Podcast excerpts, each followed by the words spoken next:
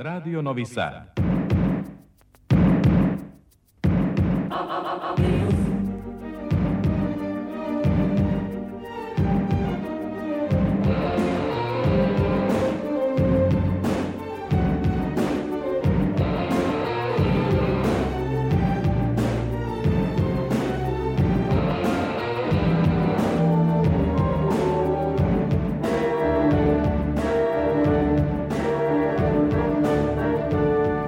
conectar.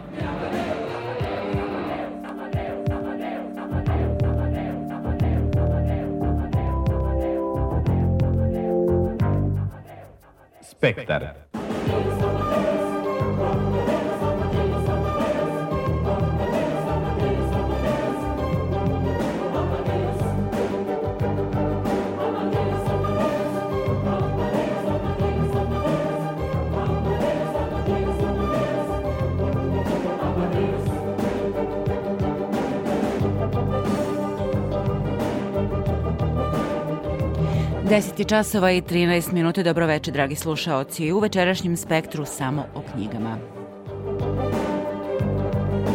U Novom Sadu počeo sajam knjiga, a pod okriljem Evropske prestonice kulture i program se oba duša u kojem su gosti najpoznatiji pisci regiona. Večeras o novoj svojoj knjizi nazvanoj iz istorije kulture i umetnosti govore istoričar arhitekture Vladimir Mitrović. Toliko u ovoj kratkoj najavi emisije u narednih sat i po, dakle slušate i Milenu Marković i Rumenu Bužarovsku, Lasla Vegila. Ja sam Aleksandra Rajić na frekvencijama 87,7, 99,3 i 99,6 i uživo na našem sajtu slušate Spektar, magazin za kulturu Radio Novog Sada.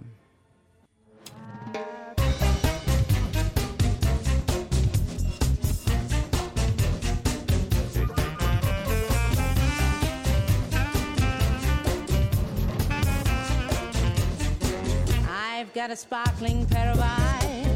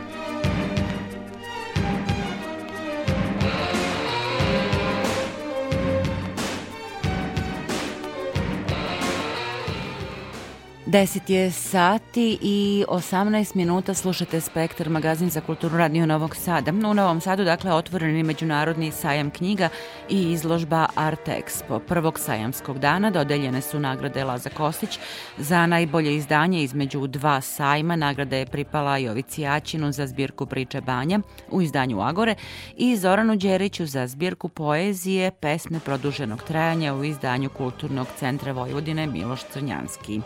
Nagradu za najbolju knjigu za decu dobila je Vesna Aleksić za knjigu Dugo mačije leto u izdanju Kreativnog centra. Nagrade za izdavački poduhvat godine dobili su izdavačka kuća Promete i Biblioteka grada Beograda za knjigu Nastanak evropskih jezika. A pod pokroviteljskom Evropske prestonice kulture otvorena je izložba Novi Sad kroz knjigu i predstavljena istoimena e, monografija autora Zorice Hadžić i Uroša Stankovića. Tema izložbe je uloga knjige u istoriji i životu Novog Sada. I pod okriljem Europske prestonice kulture i književni paviljon se oba duša na kom su do sada govorili Rumena Bužarovska, Milena Marković, Dejan Tijago Stanković, a, čitioci, a čitaocima se obratio i novosadski književnik Laslo Veger. Govorimo uskoro o tome.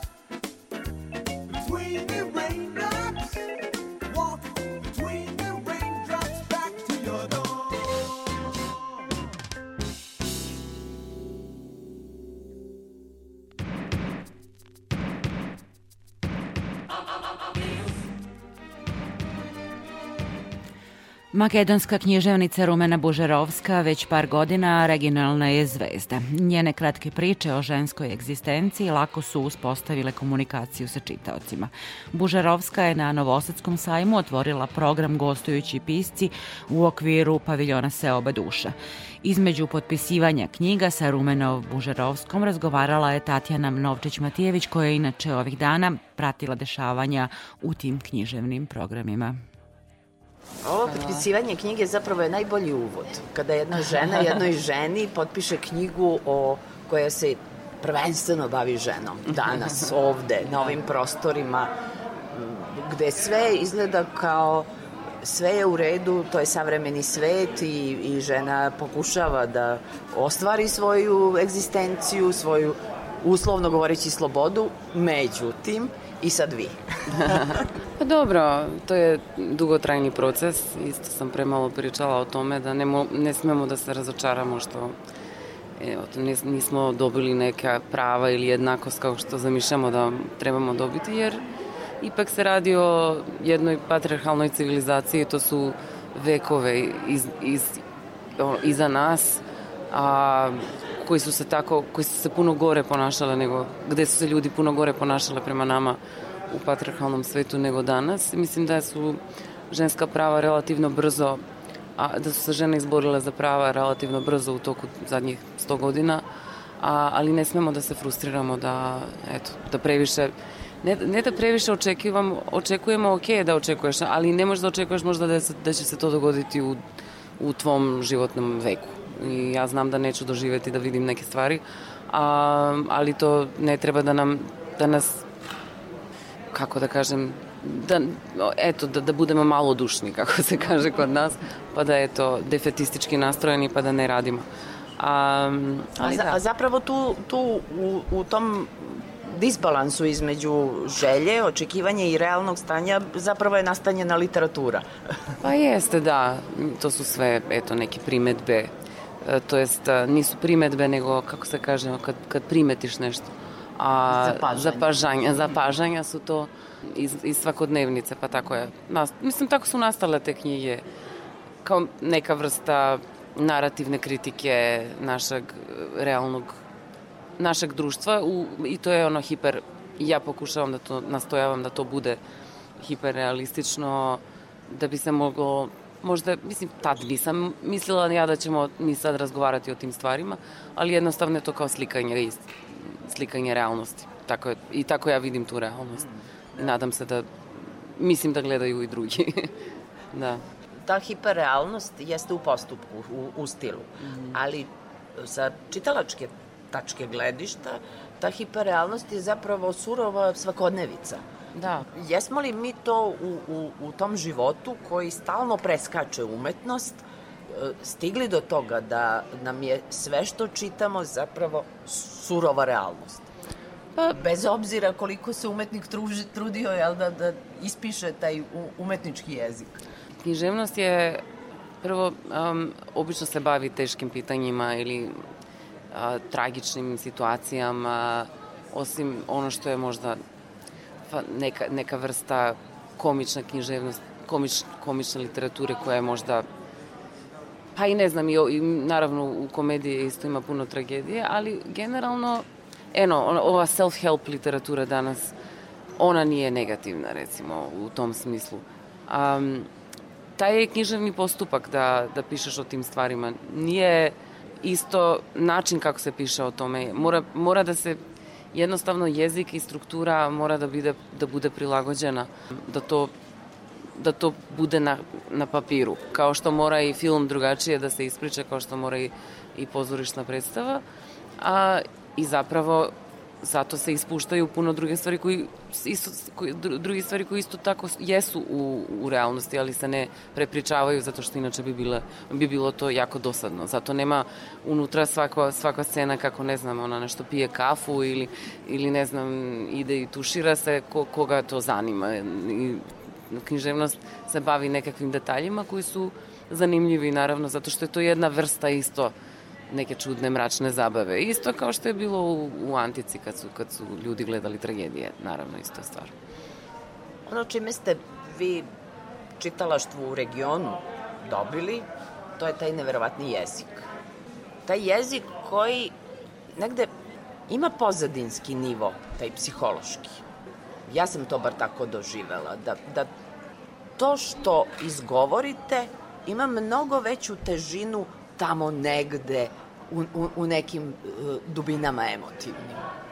Pa, to sam možda evo, naučila od uh, Amerikanaca i pogotovo ona škola Hemingwaya pa onda Caravera, to je taj minimalizam, gde se puno puno više se govori, ne, kako da kažem, ono što nije re- rečeno je to što je u suštini to što se, to što se govori. Tako da, pogotovo u onim pričama gde a, naratorke pričaju u prvom licu, i to je svuda tako kad taj subjektivni narator je savršen zbog toga, zato što a oni mogu da pričaju kao, eto nam pričaju nekakvu priču svoje vrste, svoje verzije te priče, ali u suštini m, oni imaju neki drugi plan i pokušavaju nešto da se da se ispričaju možda ili da objasne ili da ubede čitaoc ili sebe nekada je nešto tako kako što je, ali to se često dešava u, u mislim književnost koristi taj trik prvo lice, ali to imamo i u svakodnevnici kad neko vas laže i pokušava da vam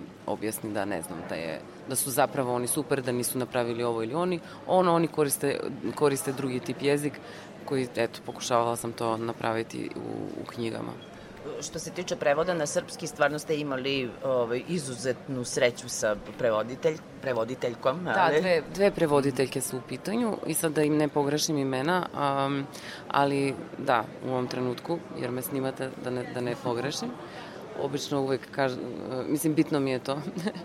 A, ali da, izvrsne su prevoditeljke um, koje su, mislim, jako su profesionalne i dobro se prevodi taj makedonski jezik na, na, srpskom, na srpski. Kao što i obrnuto može da bude, jer ipak imamo neku sličnu leksiku a, i slične naravno kulture, pa to nekad super funkcioniše, ali zato i, i, jako, i zato je jako teško, zato što nekad postoje te neke lažne paralele i a, lažne situacije u jeziku. Moram da vas pitam, pošto sad već traje ta popularnost, jeste očekivali to?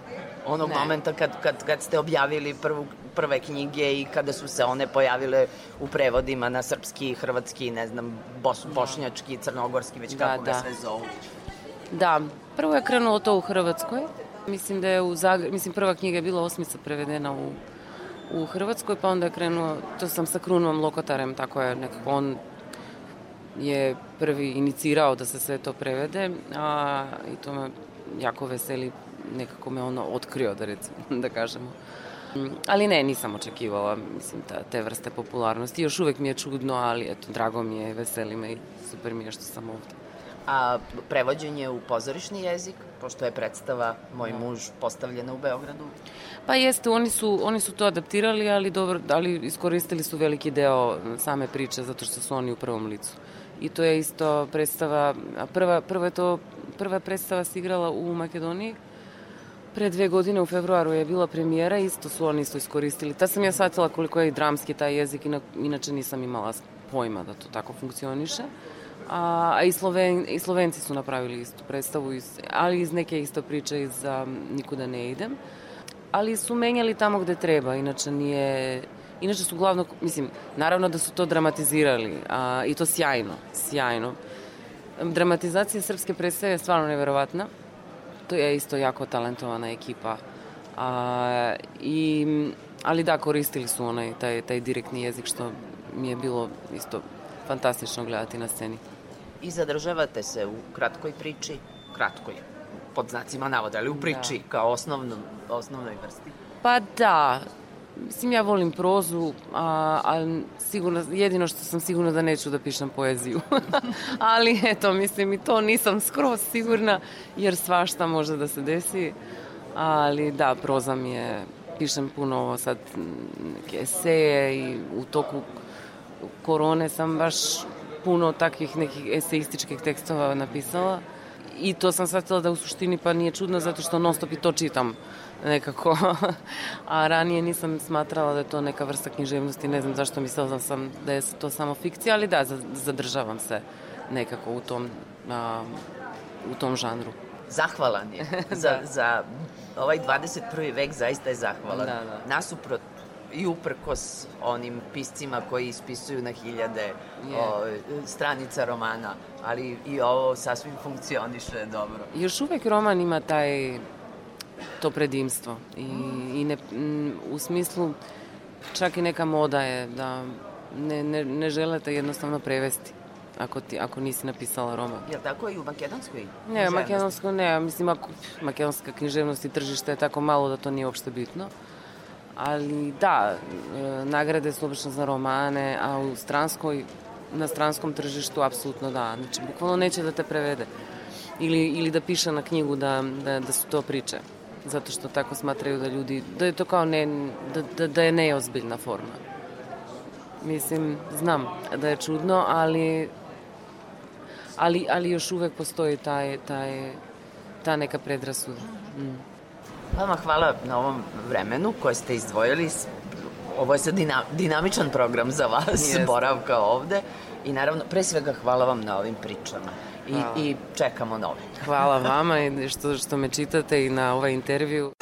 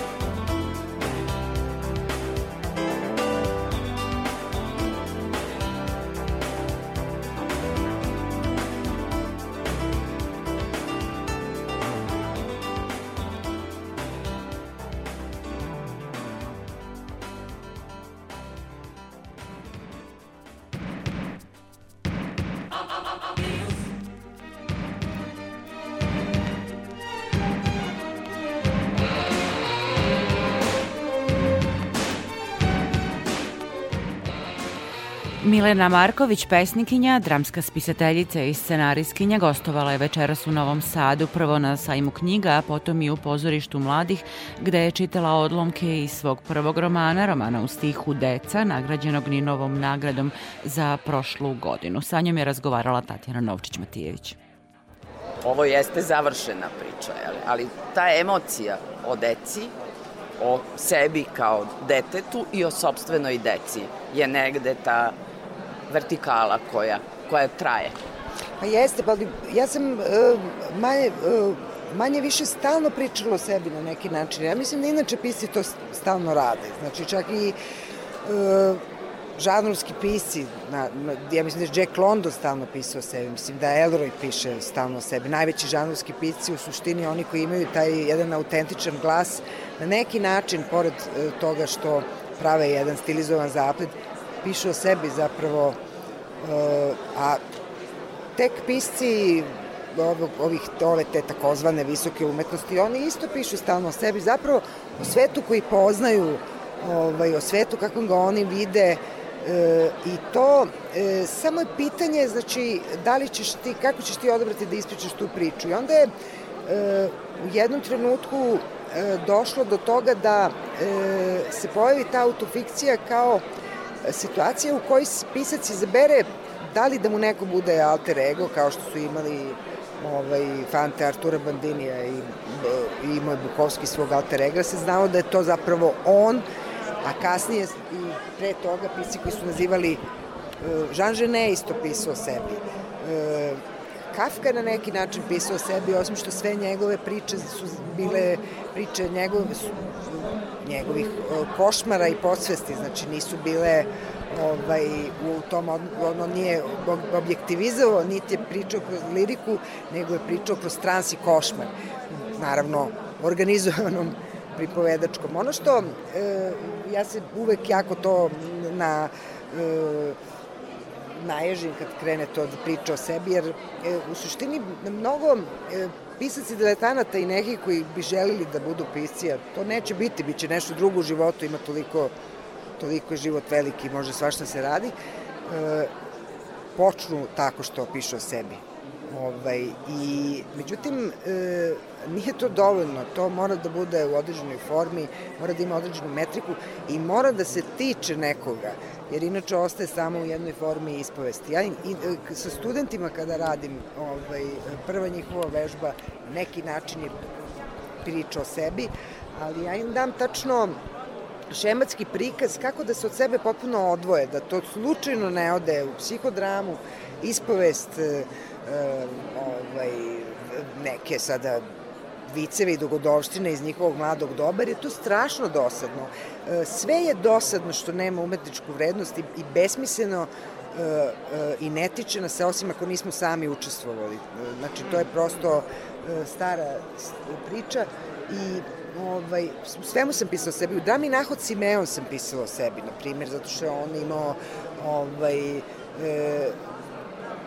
to sad Nahod Simeon, pa se setila, pošto sam ovde u Novom Sadu, to je velika predstava bila i moja Jeste. omiljena.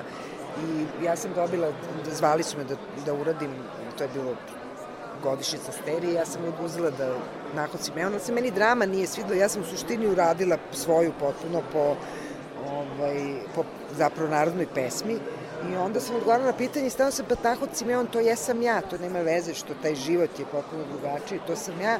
Iz njegove u smislu njegove beskonačne žudnje za ovaj, zatvaranjem kruga, znači da do kraja doživi, što na neki način, rekli bi razni filozofi, psiholozi i ovaj, neki tako taj zaguljen svet ima veze sa tim da se vratiš u matericu majke na ovaj Dobro, vi ovde i decidirano da. govorite, jeste, da ne želite, ovaj, da, ovaj, to ovaj je, svet. To je isto Nahod Simeon koji je tragedija, ima to veze direktno sa Edipom, ali on se na neki način isto vraća u ovaj, svoju majku, tako da ja ovde, ali ja sad direktno ogoljeno zapravo razne te motive neke. I zapravo, i zapravo su vam deca, imam utisak, najogoljenija u, u, u tom odnosu. I, to, čini mi se, trebalo je i puno hrabrosti i, i, i iskrenosti prema samoj sebi, ne? Nije Pa šta ja znam, nije to neka hrabrost. Znači, e, postoji jedna hrabrost u trenutku kada vi odlučite da budete pisac i onda postoje razne hrabrosti u trenutku kada vi prosenite čime ćete tačno da se bavite. Znači, sada ovde je... E, čim sam, onog trenutka kad sam ja odlučila da, da, se, da se samo nazovem i samo prikažem u nekom tom štilu, što u mojoj lirici do sada nije bio slučaj. Jasno je bilo da sam ja taj, bez, ta bezobrazna reč, lirski subjekat, ali nije ovaj, imenom i prezimenom. Tog trenutka je, to nije bilo pitanje hrabrosti, nego samo da li će to biti dovoljno ovaj, e, dovoljno dobro i e, značajno i da li ću ja u tome pobediti, jer ako nije, onda je e, onda, onda nije e, onda to nije u redu. Onog trenutka kada je dobro, onda to više nema veze sa tim što sam ja sad pisala o nekim braći, sestri, deci mojoj, komšijama i raznim tim ovaj, mada ja nisam sve nazvala imenom, samo čak mislim da sam samo decu i moju, moga oca i majku i mog muža, ostali se uopšte ne spominju ovaj, mogu se ljudi baviti pogađanjem i kako vidim bave se, što mene neki put zabavi, neki put mi iznervira, jer zaista nema veze. Jer, znate, e, nečije sećanje je potpuno, ne mora da bude istinita stvar u tom smislu. Ono što je istina u poeziji je istina o čoveku, od njegove duši, o, o čovečanstvu. A to sad kako sam ja videla određenu situaciju. U, u emociji i osjećanju sveta. jel? Da. Tako da su bila neka pogađanja, ovaj, e, da li je to ovo ili je to ono, nije ni važno. E, znači da ja nisam uspela da stvar načinim e, poezijom, onda onda mi ne bi ni pričali jer to vrlo malo ljudi bi i pročitalo i ovaj, ne bi bilo bitno. Onog trenutka e, kada to ovaj, je uspešno, to nadilazi više sve te likove koji su tu, između ostalog sam tu i ja, eto. Znači, nema, nema to više veze sa mnom. E, prosto sad iz pozicije čitalaca hoću s vama da podelim jedan utisak. E, moj kolega koji ne čita poeziju, voli, voli da čita dobro štivo, e, zamolio me je da pročita decu i vratio mi i rekao ja u životu ništa snažnije nisam pročitao kao da, me, kao da mi je skidala sve slojeve sa, sa mene. Znači, ta vrsta identifikacije je da. ključna zapravo To sa je- čitalačkog stanovišta. To je lepo što ste rekli, mnogo mi hvala, jer to zapravo jeste tako. Ti kada skineš sve slojeve, e, kada e, e, ti kada ti ogoliš, tamo inače veliki stručnjak za tu vrstu, naravno, nema, ne može se poredi sa ovim u, na raznim nivoima, je bio Dostojevski. Znači, ti kada dođeš do potpune ogoljenosti ovaj, e, i on bi rekao do potpunog ponora, onda se približiš jeli, svetosti, odnosno pri, približiš se nečemu što je krajnja identifikacija sa čovečanstvom koja je zapravo tu oličena u deci, u rađenju, u smrti i u nikada utaženoj ljubavi, ovaj, ali shvatiš da nisi sam. Odnosno, svojim procesom ogoljavanja ogoliš i druge. To je ono što zapravo čini književnost i hvala vam što ste mi to rekli.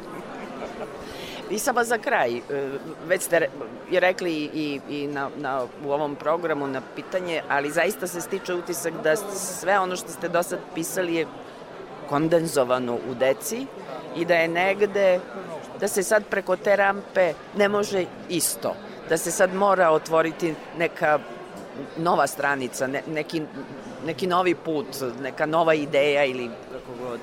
Sigurno, ja, to je sada sve, sve živo što sam ja do sada radila, tu je bilo nekih odbesaka dece, i u dramama, e, i u ovaj, poeziji, a sad je ovde zaista do kraja otišlo i, i nema razloga da pišem nastavak, ovaj, nego prosto radit će se nešto potpuno drugo, verovatno, ja se čak ne, ja čak znam tačno šta, šta ću da radim, ali ne, ne zanima me da najavim, jer e, uvek mi je to bilo Ne, ne, prosto i vi imate to osjećanje da ste sa, sa decom zatvorili. Kako da ne, gotova stvar što se toga tiče, ali i sa mnom je uvek, znači možda desi da za 10 godina se ja pojavim opet s knjigom ljudi ili ovaj, već nešto. Ne smem, ne može mrtvi, pošto to je jedna od mojih omiljenih ikada i filmova i knjiga. Ja ću to nazvati romanom, nešto pričati šta je roman, to, to nije pripovetka, to je roman.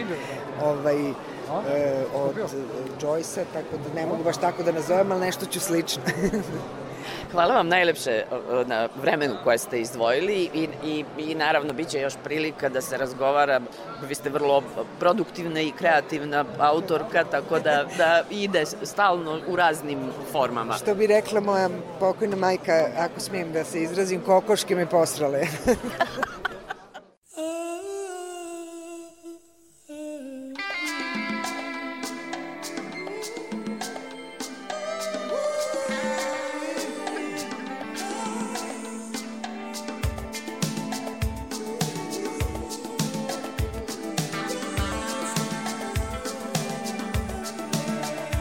Got your money, take the deadly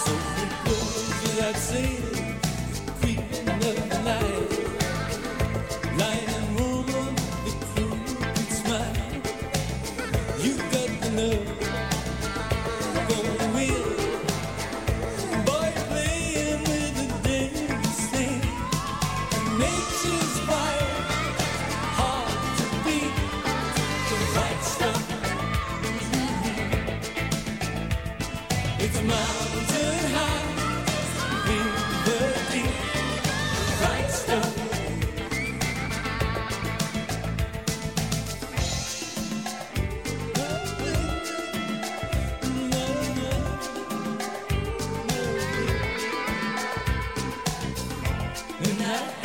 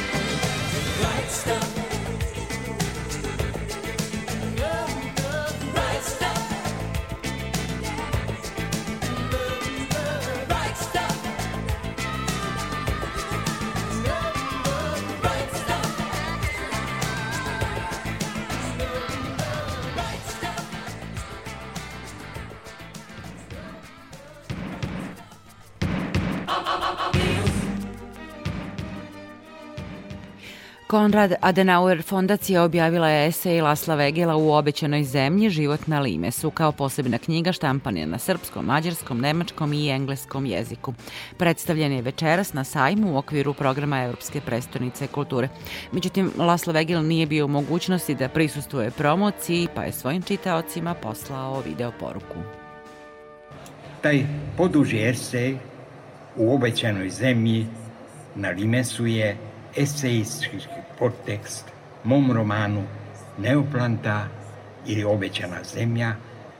Moje književno delo je vezan za Novi Sad. Tu sam doživeo moje uspehe i poraze. Nade i razočaranje su ovde, baš tu, vodile borbu u mojoj duši. Utopija i distopija su se ovde suočavale. Jedan od mojih književnih uzora je Thomas Bernhard, austrijski književnik, koga spominje i u ovom eseju, je bio žestok kritičar Austrije. Iz toga proizlazi da ni ja nisam pisac novosadske idile, nego novosadske drame. Pišem o gradu na evropskom limesu, gde je život uvek pun tragičnih zabluda i čudesnih podviga, kojima nismo ni svesni. Možda je naša velika drama da smo ponosni na naše zablude, a tajimo naše podvige. Verujem da su osnivnjači grada 1748. godine bili ubeđeni da će uspeti izgraditi Vavilonski kulu. Bog, međutim, permanentno kažnjava ljudsku želju da se bez njegove dozvole stiže do nebesa. I ovaj put je kaznio grešnike. Pomeša njihov govor da se više ne mogu međusobno sporazumeti. U našem slučaju ulogu Bogu je preuzela je istorija koja pre svega kažnjava ljude na limesu. Vavilonska kula nije izgrađena, ali smo pokušali kako kaznu da pretvorimo u vrlinu. Govorimo različitim jezicima, ali i da je sanjarimo o Vavilonskoj O tom snu pišem u završnom pasusu mog eseja. Citiram. Grad je bivao sve veći, lepši i bogatiji. Na vest o gradnji kule dolazili su sve veće mase koji su počeli nazivati obećanom zemljom. Mnogi tvrde da kula na posledku nije izgrađena. Zahvaljujući velikom ekonomskom procvatu, jer da su je podigli, nestala bi zajednička ideja koja je držala građane na okupu.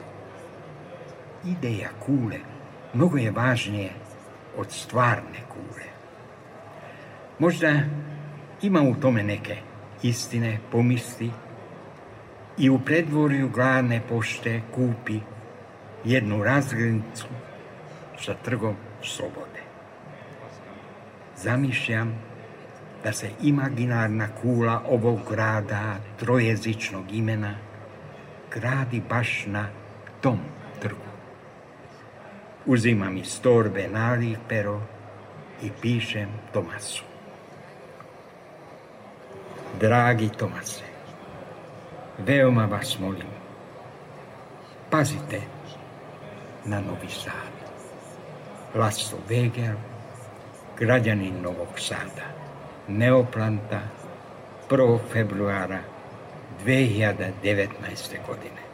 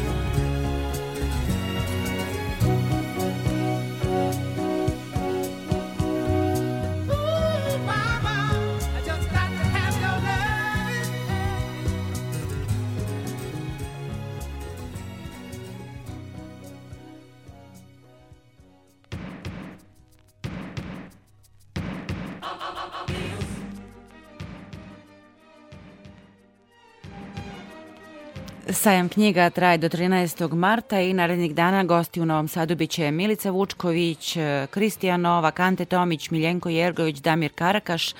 E, biće o tome reči u sledećoj emisiji, a za kraj e, ovog, ove reportaže zapravo sa e, sajma knjiga još jedna e, tema. Jedna od pratećih programa na sajmu u Novom Sadu bio je posvećen novosadskim knjižarama kao mesto susreta sa čitaocima. Danas ih je već nekoliko poznatih adresa gde se čitalačka populacija može zadržati družiti, upoznati sa piscima, čuti ponešto na promociji knjiga. Knjižaru Most predstavio je danas Aleksandar Tanurđić, a o Bulevar Buksu, jednom od najpoznatijih prostora koji od početka, od pre deseta godina, nije samo obična knjižara gde se kupuju knjige, govori Milan Tripković. Mislim, kad je knjižara otvorena, to je onda moralo da, da se razmatra određeni marketinško neko delovanje, šta raditi, šta preduzeti kako bi čitaoci, odnosno oni koji su zainteresovani za knjigu, došli uopšte u prostor, videli da li je to prodavnica za njih ili ne i mislim, odmah mi je postalo jasno, pošto je Blair Books otvoren baš ono u jeku one prve svetske ekonomske krize, 2011. godine, da jednostavno to ne može biti i opstati kao obična prodavnica knjiga kao što su do tada postojale, nego da mora da, da ponudi e, nešto više. E sad, znači, mogli smo da, da u tom marketinškom pravcu ra, razmatramo kupovinu nekih minuta na radiju i neke džinglove, ne znam ja šta, ali mi smo se opredelili za, za nešto ovako, da probamo da, da na drugi način privučemo ljude da dođu, da im se dopadne u knjižari i da se zbog toga vrate. I marketing u smislu privatne preporuke, je li tako? Pa da, da, naravno, to je ono, kažem, to je sve stvar da dovedete nekog, da se taj neko prijatno osjeća u tom prostoru kako bi se ponovo vratio. Eto, to je Dajte možda da se podsjetimo koga ste sve ovih godina ugostili. U, da, to je sad već e, ozbiljan problem. Mi svake godine pišemo ove, ove projekte, da. Pa dobro, korona je malo to zaustavila, odnosno usporila celu stvar, ali tamo u, u toj aplikaciji za, za projekat uvijek ima ovaj, kapaciteti organizacije. Tu treba nabrojati ko je sve bio, šta se sve tu desilo. To je već ozbiljna lista. Baš, baš ozbiljna lista i, i uvek nemoguće ni sve pobrojati. Mislim, uvek e, samo dodam koju hiljadu, jer to ono što je najveće dostignuće, mislim, bilo je tu stvarno svih praktično pisaca iz zemlje i regiona, ono, A, A klase, pa i nekih možda manje poznatih, nekih svetskih, Gonkurovaca, na primer, da ono što je bitno jeste da ukupan broj publike se meri ovaj, koji su posetili sve te događaje zaista de, de, desetine hiljada, ja bih rekao, da, za ovih deset godina. Kako birate to- goste? Pa manje više, mislim, ono što Pa mi biramo... Da, da, da. da. Pitanje nekog aktualnog trenutka, ono što mi organizujemo, ima sad dosta stvari koje izdavači ili sami autori kada se pojavi knjiga, vide interes u tome i onda nas zovu kao neko mesto jel, koje je već poznato po tome. Tu smo kao neki, ono što se na Facebooku kaže ko hostovi, tako da to je manje više tako funkcioniše, ali kažem, ovi, ovi naši događaji jeste to stvar, znači ono što je trenutno aktualno i, i što smatramo da je dobro, a da će privući i zainteresovati veliki broj građana. To neki, ja bih rekla, koncept urbani i rokerski pristup književnosti, odnosno dobitna kombinacija, dakle knjiga i muzika su kod vas u pitanju. Jeste, jeste, muzika je s vremenom postala potpuno ravnopravna ovaj, to polje našeg delovanja i interesovanja. Generalno to je jel, organska stvar nekako, to se valjda vidi i osjeća i onda ovaj, ti koncerti koje organizujemo su zaista ovaj, vrlo posećeni, no, atmosfera je za, odlična i zbog toga je iako tu nema pre, previše ovaj, nekog finansijskog ovaj, interesa za nas, guramo te, te stvari jer, jer je dobro. I, i uživamo u tome.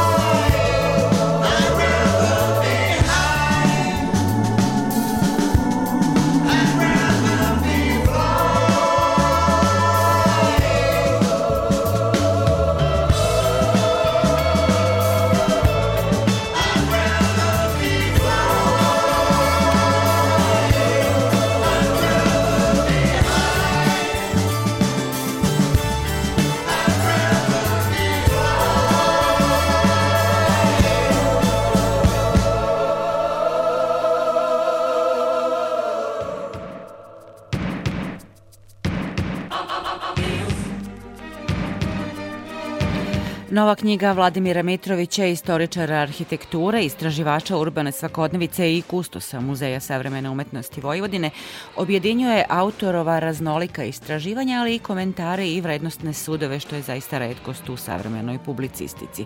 U knjizi nazvanoj Iz istorije kulture i umetnosti, Vladimir Mitrović skreće pažnju prosečnog novosadskog prolaznika na pojave i objekte koje najčešće zanemarimo, a suštinski čine neponovljivost ovog grada.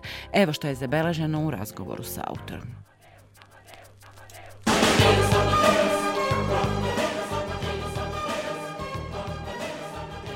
Na početku razgovora da damo najpre jedan krok i jednu skicu ove nove, druge po redu, e, vaše knjige iz neke slične oblasti, sličnog domena. Za razliku od prve koja se bavi u prvom redu arhitekturom, u Novom Sadu, pre svega ova druga nosi naslov iz istorije, kulture i e, umetnosti. Ipak vaša interesovanja e, u globalu ostaju i u tom glavnom opsegu ostaju e, interesovanje jednog istraživača grada, što ja bih rekla proističe iz ovog naslova da je i umetnost neka građa od koje nastaje taj jedan urbani milje, urbano nasleđe. Zapravo šta ste e, objedinili u ovoj drugoj knjizi? E, Dakle, knjiga kao takva nije pisana odjednom, naravno. Ona je stvarana na osnovu, na osnovu nekih tekstova koji su kasnije ovaj, organizovani u poglavlja i tako je i poređena. Počela se ponovo sa arhitekturom, kao neka vrsta direktnog nastavka prethodne knjige, pa i mog interesovanja. Međutim, u, već posle prvog poglavlja pojavljuju se nova poglavlja, u stvari poglavlja iz delova naše umetnosti i kulture kojima sam se bavio. Dakle, i spomeničkim nasleđem, plakatskim nasleđem i donekle komentarima trenutne situacije na kulturnom planu grada. E, Zajednički menitelj svega toga je verovali ili ne, vrlo jednostavan, a on je e, javnost. Dakle, sve te stvari su bile direktno vezane za javnost. Mislim, naravno, meni je to Urbana, bilo... naravno. E, meni je to odmah bilo jasno. Međutim, kad je to složeno, dakle, to nisu tekstovi o slikama koje ne možete da vidite. Dakle, to je jedna potpuna javna umetnost i u stvari se ispostavilo da je na tom polju izučavanja, beleženja, komentarisanja, istorizacije, u stvari ispostavilo se da tu najviše nedostaje tekstova, građe, a interesovanje postoji. Tako da, i kao istraživač se čovjek kreće u granicama onoga što nije dovoljno poznato, a ne ono što je već poznato. Jel? To što je poznato, to je cilj da mi kao istraživači to otkrijemo. Šta to zapravo znači biti istraživač grada? Pominjete na par mesta i vaše kolege koje se bave time. Veliki broj i struka i pojedinaca i ličnosti koji se na neki način bave gradom. To su ljudi od istraživanjima, na- naravno, od ljudi iz muzeja do ljudi iz zavoda, e, svih institucija, galerija, muzeja. Dakle, to je jedan dosta širok sloj skoro nevidljivih ljudi. Ali Međutim, uglavnom uskih interesovanja, vaše su dosta široka. Pa jeste, ali kažem vam, one su donekle bile i određene tome što se tome nije dovoljno pridavala pažnja. Dakle, recimo plakatima, dakle, vi na, na nivou Novog Sada i Vojvodine najpoznatija stvar koja bi mogla da se kaže da, da je producirana, napravljena autentična domaća, to je Novosadska škola kulturnog plakata. Dakle, tu imate jedno oko hiljadu plakata koji pokazuju jednu pravu vrednost školu, a to ljudi nisu svesni toga. I pored činjenice da je pola od tih autora još uvek živa, neki su i aktivni, naravno nekoliko ih je preminulo. Recimo o tome se nije dovoljno znalo, iako je postojala i štamparija i distribucija i, i ljudi koji su pratili to, međutim nekako je prošlo van, van rekursa istraživača, naravno bilo istraživača koji su pojedinačno se bavili tim i mislim da je sad došlo vreme otprilike kao neka vrsta najave da su i samo udruženja počela da razmišljaju na taj način o istorizaciji svog rada, svog delovanja, delovanja svojih e, umetnika, autora, tako. E, Stiče se utisak da ste zapravo svom čitaocu, koji je evo tipičan jedan novoseđanin koji kroz grad prolazi e, po nekom automatizmu, kroz grad koji se naravno razvija ubrzanim tempom i to prolazi e, bez vremena ili namere da se ne zastana negde, da se vidi, da se razmisli, ponudili zapravo jedno drugačije čitanje grada. Pa mi sad u ovoj knjizi imamo e, zaista jedinstvene onako tekstove ili pasaže u tom čitanju grada. Nudite mogućnost recimo da razmislimo o Petrovaradinskom podgrađu, ali kao jednoj vrlo autentičnoj celini. Mi možemo da se divimo podgrađu, jel da, ali nikad ne razmislimo o njemu kao jednoj e, autentičnoj urbanoj celini iz 18. veka. Potom, e, jedan isto jako zanimljiv pasaž, to je kada markirate tačku u gradu iz koje se vidi e, šest novosadskih verskih hramova. Nudite nam i da zavirimo e, u enterijer antikvarnice Matice Srpske. Zapravo, ovi problemi, ove tačke, ovi fokusi pokazuju naše duboko nepoznavanje Novog Sada. Uprkos tome što smo mi e, svakodnevno u Novom Sadu, što smo principijalno nezadovoljni, ja mislim da čak ne bismo mogli da ar- artikulišemo čime smo nezadovoljni. Pa skoro sve tekstove koje ste pomenuli su u stvari e, bili tekstovi koji su pratili aktuelna dešavanja na polju građevinarstva i graditeljstva u Novom Sadu. Nešto je bilo aktuelno, a nešto je bilo iz istorije. I to je izlazilo kao neka vrsta kolumne u nedeljnom dnevniku za vreme korone i meni je to bilo zanimljivo i to su tekstovi koji su bili relativno su postojali delovi, ja sam ih dopisivao, to su kratki tekstovi za, za novine, međutim i to je ispalo zanimljivo da su te novine već i pre toga objavljivale slične tekstove i da postoji interesovanje. Međutim, sad u posljednje vremene da ne postoji interesovanje za to, nego imate novine bez kulturnih e, rublika, a kamoli, kamoli neka pojava do pre 50-15 godina da su najmanje dvoje, troje dnevnih novina imale e, jednom nedeljno izlazio tekst o savremenoj arhitekturi, o tome šta je primećeno u graditeljskoj praksi i tako. Tako da je to Zapravo čak i kad velika- proširimo mediji na te neke internet portale, nema dovoljno tekstova e, o tome šta je naša urbana e, svakodnevica. A da bismo mogli da je shvatimo, ja mislim da moramo i na neki način da promislimo. Ili bar da to neko artikuliše kao što ste vi e, kao istraživač grada to uradili. Pa jeste, donekle tako, ovaj, mada postoji, pa znate, sve to, ovo je jedno uređeno istorijsko umetničko društvo, dakle ovde se poštuju principi već 30-50 godina i postoje saloni arhitekture, postoje nagrade, dakle sve, sve to što može da se izmeri i što se pojavljuje u stručnoj javnosti, to se pamti i o tome se komentariše. Međutim, čini mi se da, je, da su ljudi više zainteresovani za to nego što se u stvari to gleda. Postoje neke specijalni, specializovani portali koji nisu loši, ali vi više nemate skoro ni jedan arhitektonski časopis, nemate da. časopis za, za, za, tu vrstu, za tu vrstu umetnosti, a o običnom časopisu za umetnost on više ne postoji već 20 godina. Zapravo, rekla bih da ti neki kulturni, e, umetnički obrazci koje pominjate u ovoj knjizi uz u arhitekturu, uz naravno urbanističke e, obrazce, čine neponovljivost e, ovog rada, čine njegovu autentičnost. Spomenuli ste taj plakat vojvođanski. Šta bismo još mogli izdvojiti iz ovih vaših tekstova kao to nešto što je specifično novosadsko? Pa jedno od poglavlja u knjizi je posvećeno javnim spomenicima. E. Veći deo istraživanja za to je nastao na osnovu knjiga i izvora arhivskih, dakle, e, većina tih spomenika ne postoji. Međutim, tokom naredne dve, tri godine sam se malo više zainteresovano i onda imam pojedinačne e, studije slučaja pojedinačnih spomenika. To je projekat za kralja Karadžođevića u Novom Sadu iz 36. i 37. Baranjevi kao bračni par koji se bavio međuratnom skulpturom i posebno Meštrovićev spomenik Svetozaru Miletiću koji sam i nazvao neku vrstu studije slučaja. To je ono što sam pomenjao, dakle, historiografija za taj spomenik naravno zna, on postoji u spiskovima, međutim, on nikad nije ni pomenjan nešto kao posebna, poseban spomenik unutra Meštroviće karijere što je bilo ovako malo i čudno da takav spomenik takvom, takvoj osobi, pa i takvog kvaliteta, jednostavno u istoriografiji bude neobrađen. Tako da je to je bio razlog recimo zašto sam onda navalio na to, na novinske izveštaje i na predistoriju tog spomenika. i Prosto sistematizovali ono što se da, pisalo. Da, većina se toga znalo, mada je bilo razbaceno, ali novine su u stvari bile izbor, e, recimo najveći za, za taj slučaj. Da, ima jedan dobar tekst takođe i o dinastičkim spomenicima u Vojvodini. Takođe je jedna zanimljiva sistematizacija onoga što možda negde znamo ili o čemu smo čuli, a što evo nismo ovako na jednom mestu videli. Jeste, ja sam se tim spomenicima malo duže bavio i taj, taj, taj tekst koji pominjate o dinastičkim spomenicima u, na području Vojvodine, on je ovde dat nešto u skraćenoj varijanti, a ta, ta istraživanja se još nastavljaju, zato što to će verovatno biti neke, deo neke buduće studije.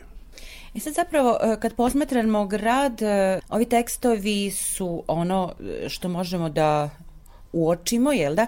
A šta nam se zapravo dešava?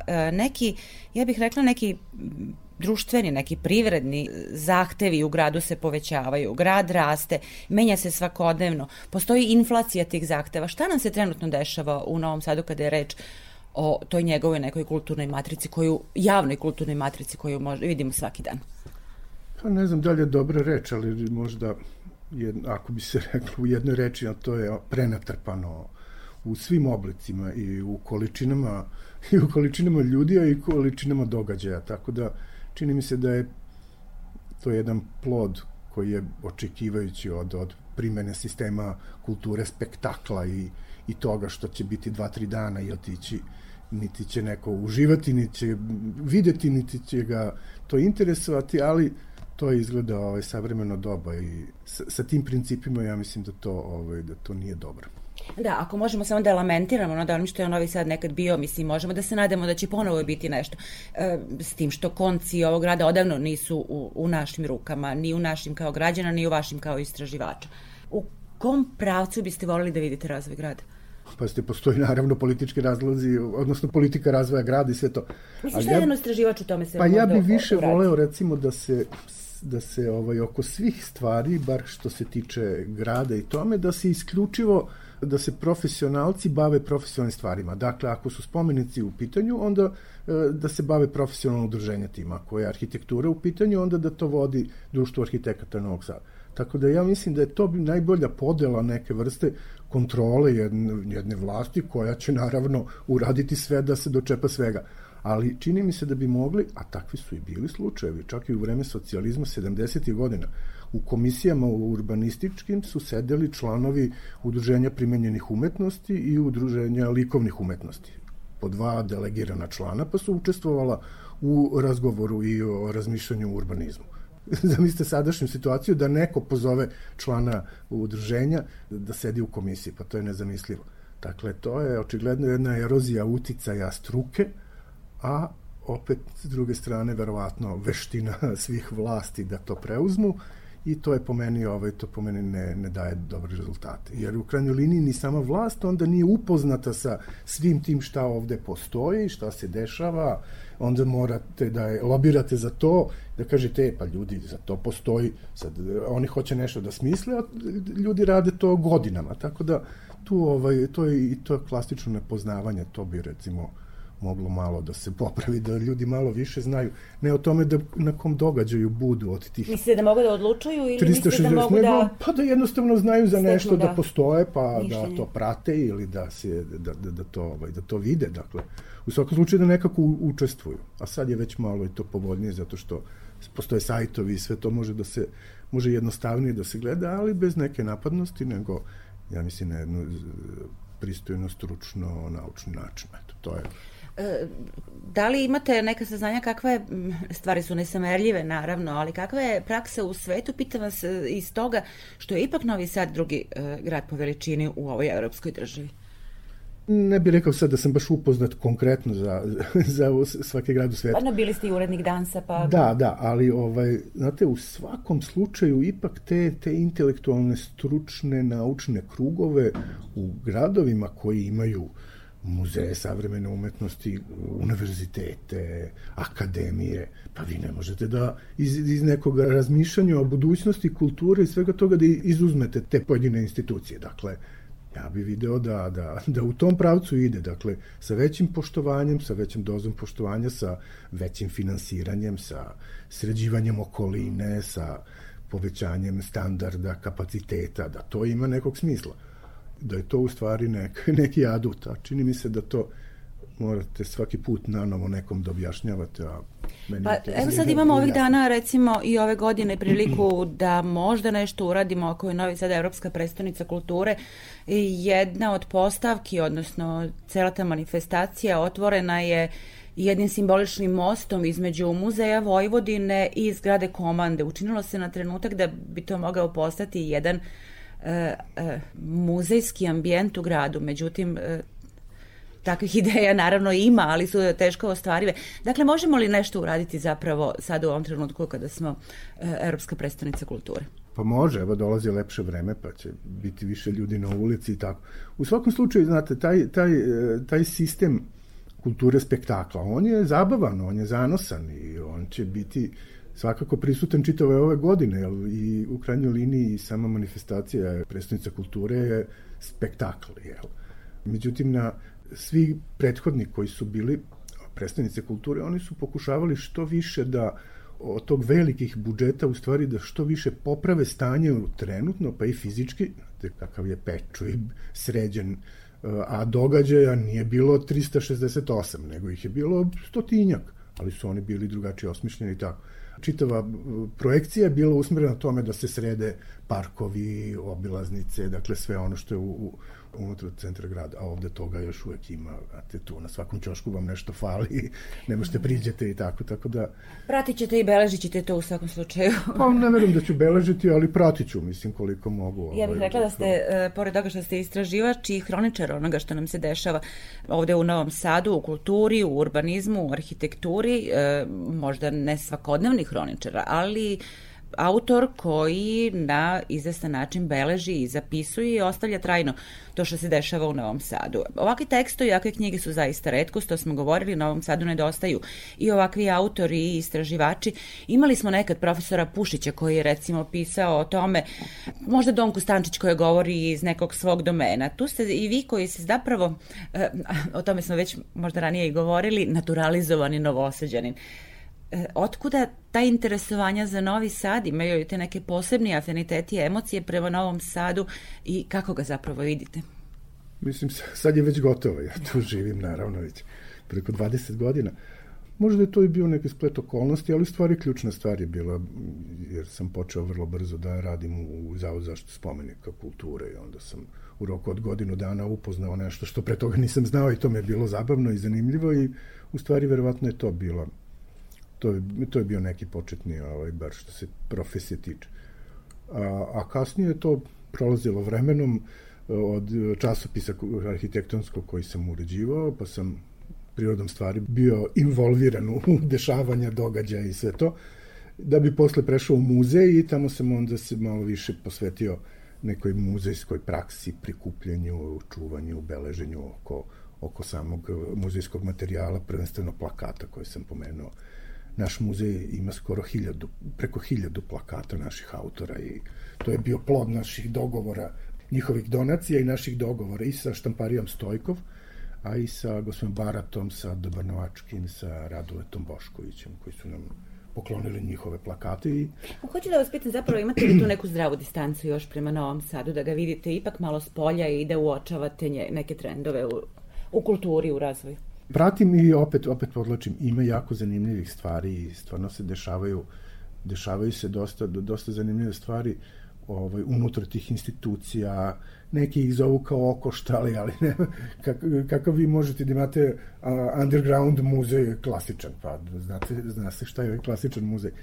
Dakle možda u tom pravcu da se to malo više pridaje pažnja i da da jednostavno ljudi znaju za to Naravno, uvek su, bar kad se tiče tih kategorija, deca su tu sad ključna stvar i evo, kod nas je zanimljivo da mi su, kod nas subotom i nedeljom je po 3-4 sata su dečije radionice sa, e, sa slikarima i tako, tako da eto recimo to, to funkcioniše već nekoliko godina i onda deca dovode roditelje, roditelji dovode prijatelje i tako imamo jednu potpuno, potpuno novu publiku u muzeju.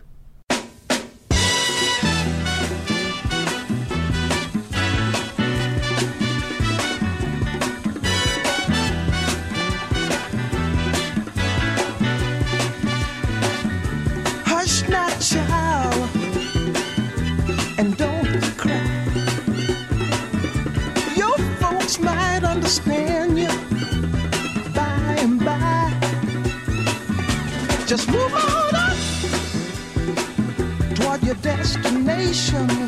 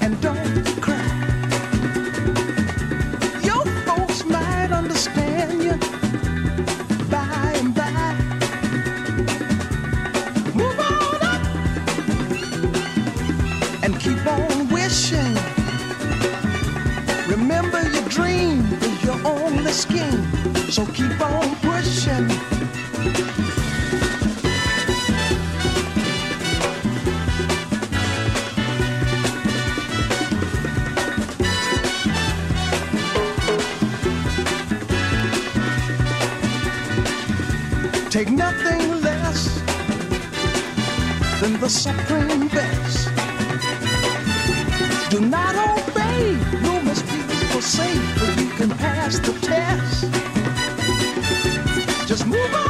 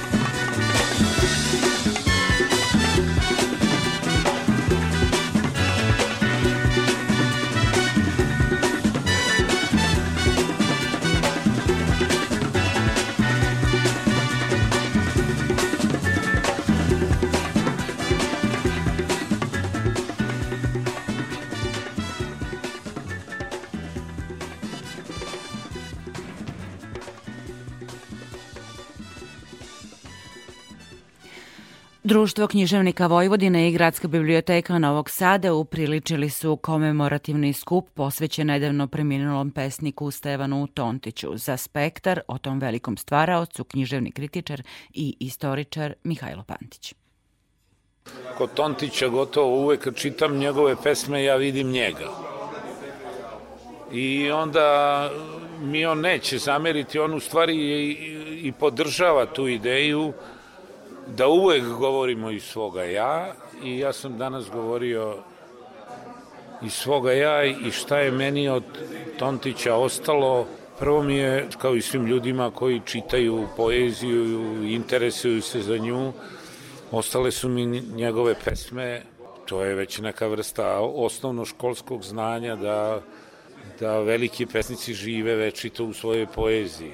I da Šekspir nikada neće umreti, ni Gete, ni već ne znam, Petar Petrović Njegoš. Osim toga, znači to što delim zajedno sa svim čitaocima, Tontićeve poezije, ja imam pravo i na jednu vrstu intimnog svedočenja, jer je od, meni, od njega ostalo sećanje na jedno dugogodišnje bezinteresno prijateljstvo.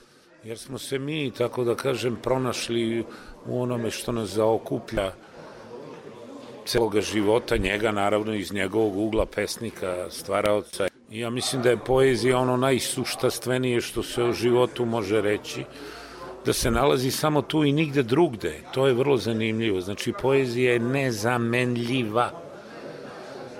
I ja osjećam, ajde sad opet da govorimo o Stevanu, osjećam tu nezamenljivost njegove poezije. Da to što je on rekao, da nije bilo moguće reći na bilo koji drugi način i da to što je on rekao nije mogo da kaže bilo ko drugi. Mada se uvek vrte oko onoga što je suština e, ne samo pesničkog pozvanja, nego suština svakog ko pokušava da misli o životu, a to je pozicija čovekova u svetu.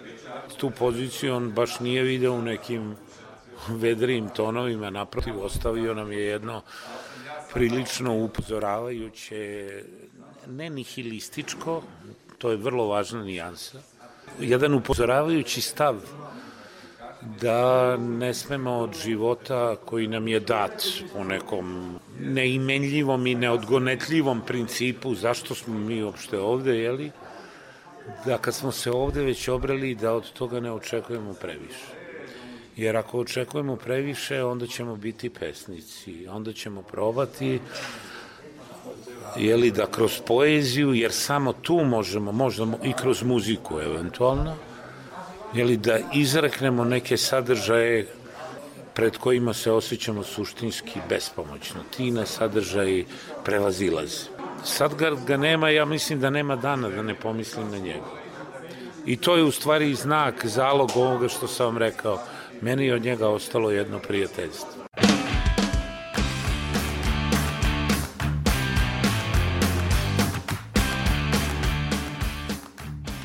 Bio je to, dragi slušaoci, Spektar. Večera su ga realizovali dva Zorana, Vukolić i Gajinov. Ja sam Aleksandra Rajić, slušamo vas ponovo.